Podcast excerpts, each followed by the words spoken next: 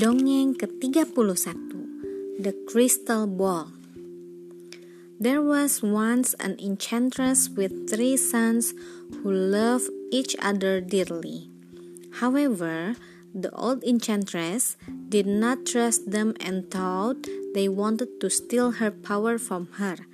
So she changed the eldest into an eagle, and he had to fly away and live in the mountains. She changed the second into a whale, and he was forced to live in the sea. But the third son managed to run away before his wicked mother turned him into a beast too. At first, the third son didn't know what to do with himself without his beloved brothers.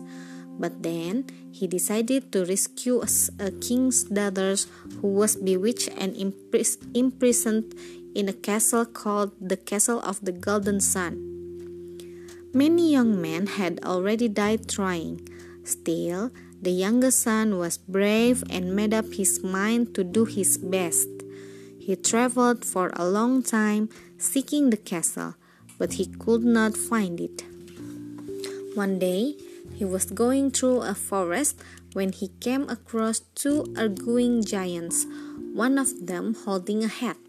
We both want the hat, one giant explained. We cannot decide who it rightfully belongs to.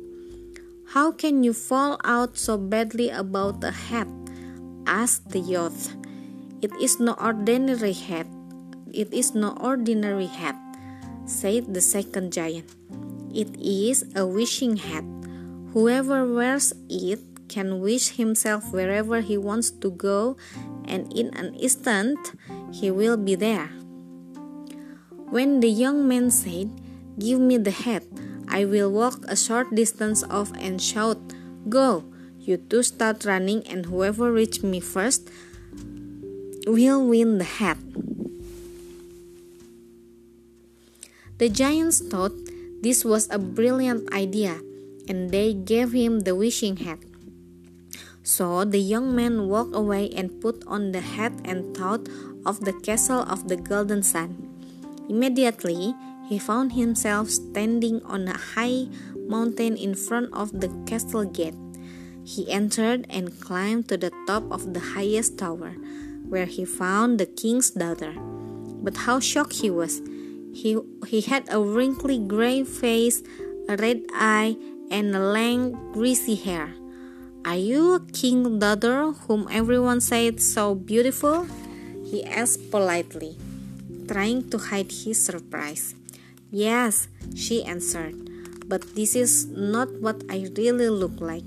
I have been bewitched, so I appear ugly. He held up a mirror.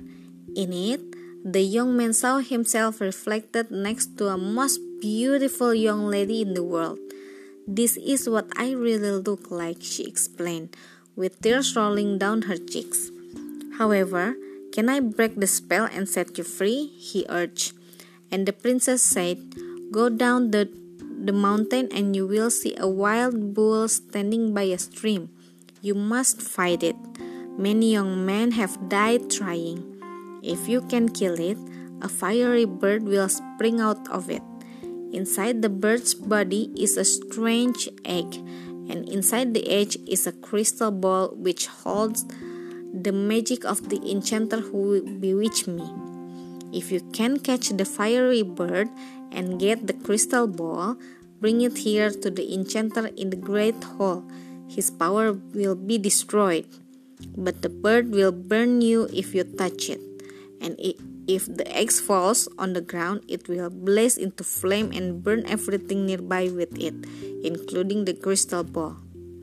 So the youth went down the mountain to the stream. There stood the bull, snorting and bellowing. The bull charged at the young man, but he grabbed its horn and swung onto his back. As it tried to throw him off, he drew his sword plunged it into the animal and it fell down dead.